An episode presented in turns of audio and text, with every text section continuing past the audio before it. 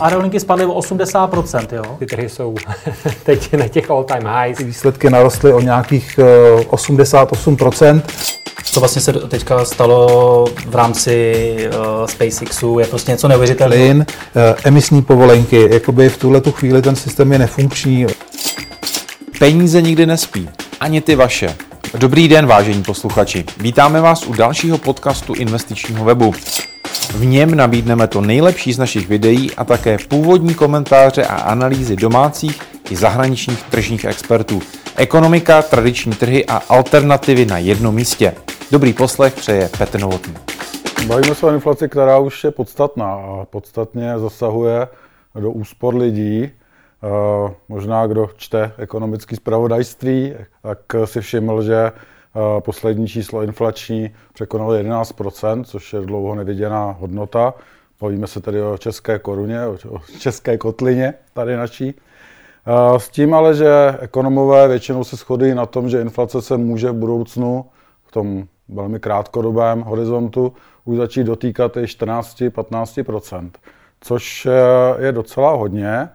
Navíc si musíme uvědomit, že to není specifikum jenom tady České republiky, ale že vidíme nebývalou inflaci na euru, na dolaru, u dolaru vlastně 10% v zásadě. Takže vidíme to celosvětové rozšíření inflace.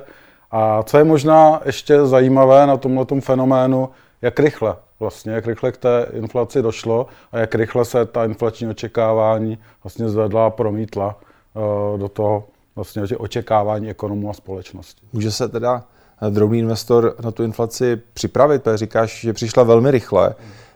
Dají se udělat, tak bych řekl, preventivní kroky v portfoliu, aby když ta inflace přijde, nebo jsou ty signály, tak už abych byl chráněn, aby to nebylo jako expo, ha, inflace, co teď? Petře, nazval to úplně přesně, protože je to přesně o tom připravit se. Není to o tom reagovat až v okamžiku, kdy už to vidím nejenom já, ale všichni už je to tady. Eh, samozřejmě připravit hůř se dá na, na nějaké šoky, třeba jako válka na Ukrajině, která prostě přišla, dá se říct z ničeho, z ničeho nic, eh, někdo možná čekal víc, někdo míň. Ale inflace už tady přece jenom nějakou dobu trošku jako vzlínala a de facto my víme, že největším nebezpečím investora je inflace. Na všechno ostatní se dá nějakým způsobem reagovat a na všechno ostatní se dá nějakým způsobem uh, připravit i v rámci toho portfolia, ale ta inflace, tam je potřeba o tom skutečně dobře přemýšlet, aby, aby jsme byli připraveni dopředu a aby to takzvaně fungovalo uh, pořád, to portfolio, i v době nízké inflace a deflace třeba, i v době vysoké inflace. Možná i lajka napadne nemovitost. Jak to s nimi dnes vypadá a mají šanci porazit inflaci? Mm-hmm.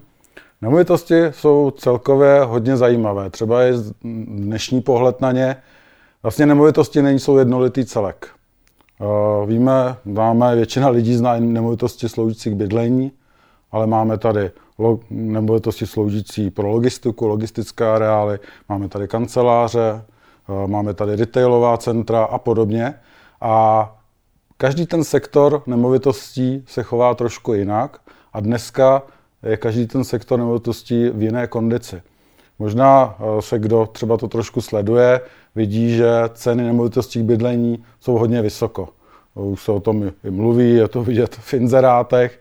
A samozřejmě ten výnos, který teď eh, ty nemovitosti k bydlení dávají, eh, když mu ten nájemní výnos, tak je třeba 2 nebo 3% což je strašně málo. Je to méně než v současné době dává státní dluhopis. Jako, stát, jako investiční byt třeba. Jako investiční byt třeba.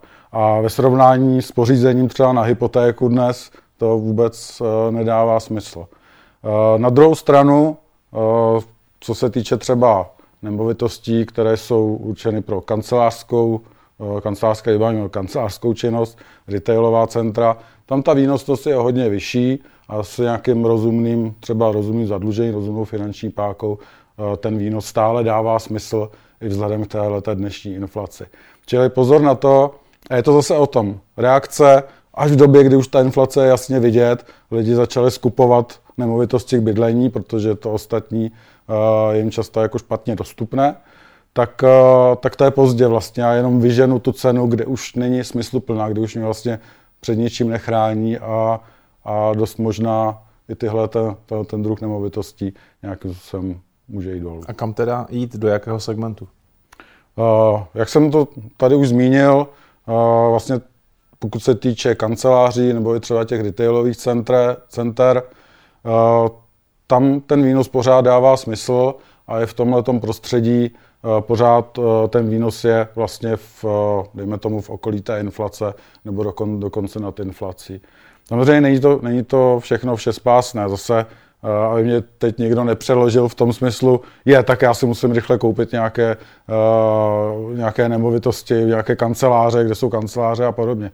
Uh, mluvili jsme o té přípravě, je to o diverzifikaci, o tom, že vlastně mám být připraven na každý scénář, na ten inflační zejména, ale nejenom na inflační, i možná na další věci, které mi můžou to portfolio nějakým způsobem zničit, znehodnotit a znehodnotit moje, moje celoživotní úspory. Co třeba akce? Akcie jsou další výborná, mm, mm, jako výborné aktivum, eh, které může eh, zabránit tomu, aby mě ta inflace dostihla. Eh, samozřejmě mnoho lidí je takových trošku rozčarovaných nebo nezvládají ty emoce třeba s těmi akciemi spojené, jo? že ono to kolísa, lítá nahoru dolu a je dobré si uvědomit, že ale v tom dlouhém období ty akcie mají stejně jako nemovitosti schopnost se vlastně tomu prostředí ekonomickému přizpůsobit. Když si vezmeme akcie, tak vlastně ceny výrobků a služeb vlastně v podstatě jakoby tvoří tu inflaci. Že? Takže, takže tržby těch firm samozřejmě stoupají náklady, ale potom ten celkový zisk z pravidla roste v inflaci. Tudíž i ty akcie dokáží v inflaci zdražovat a se to není pro ně ideální úplně prostředí, zejména když ta inflace je příliš vysoká, ale dokáží nějakým způsobem sekundovat i poměrně výrazné inflaci. Podobně je to s nemovitostmi, když se k ním ještě vrátím. Tam často bývá, zvlášť třeba u těch kanceláří, retailových center, ale známe to jenom k bydlení, nějaká inflační doložka.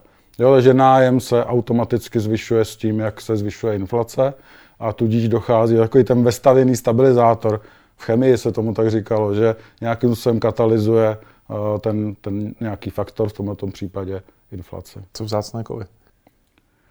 Vzácné kovy, eh, mnoho lidí si myslí, že to je velmi dobrý způsob, jak se proti inflaci zajistit, koupit si nějaké zlato, stříbro nebo kontrakt na ropu, ale eh, pozor na to, ne, nebývá tomu zas tak často, no nebývá to zas tak často pravda, jak má mnoho lidí v hlavě, protože ta cena komodit, nebo dejme tomu to, jak vynáší zlato, se neodvíjí jenom od inflace. Ono to tak nějak v rámci dlouhého, hodně dlouhého časového úseku funguje, ale drahé kovy obecně nezávisí, jejich poptávka po nich nezávisí obecně jenom na, na inflaci, ale velkou roli, ten další faktor, eh, jsou tzv. reálné úrokové sazby.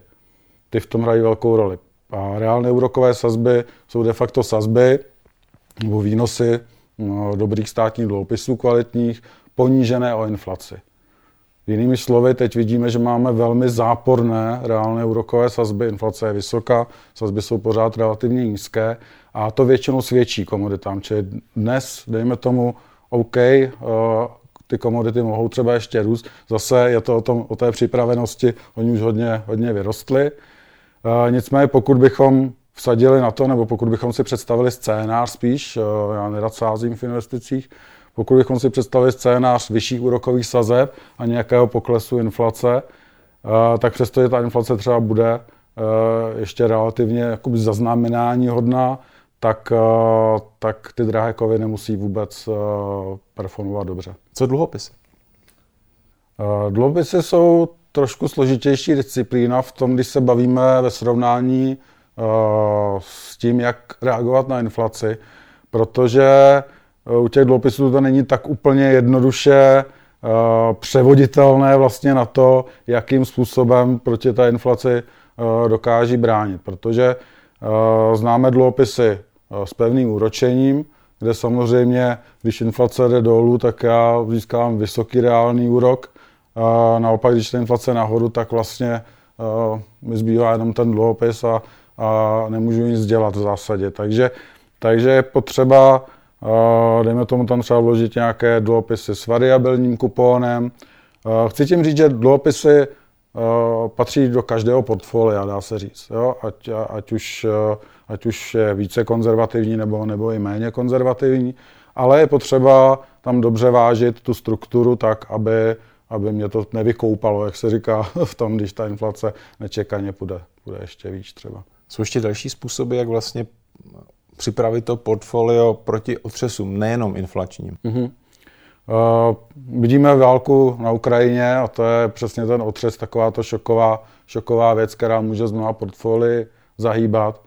My, aspoň zatím to tak vypadá, uh, máme v České republice velké štěstí v tom, že Česká národní banka má obrovské devizové rezervy a zároveň uh, ta válka vypadá, že to nakonec nebude takový průšvih, jak možná to vypadalo v těch prvních dnech, že by mohla nějakým způsobem snad i skončit.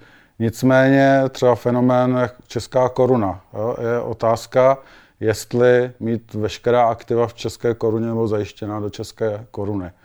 Protože samozřejmě pokud jsi připraven na různé scénáře, musí připraven na scénář, že třeba Česká národní banka nemá zase tak vysoké devizové rezervy nebo prostě tu korunu neubrání, protože je to totální průšvih.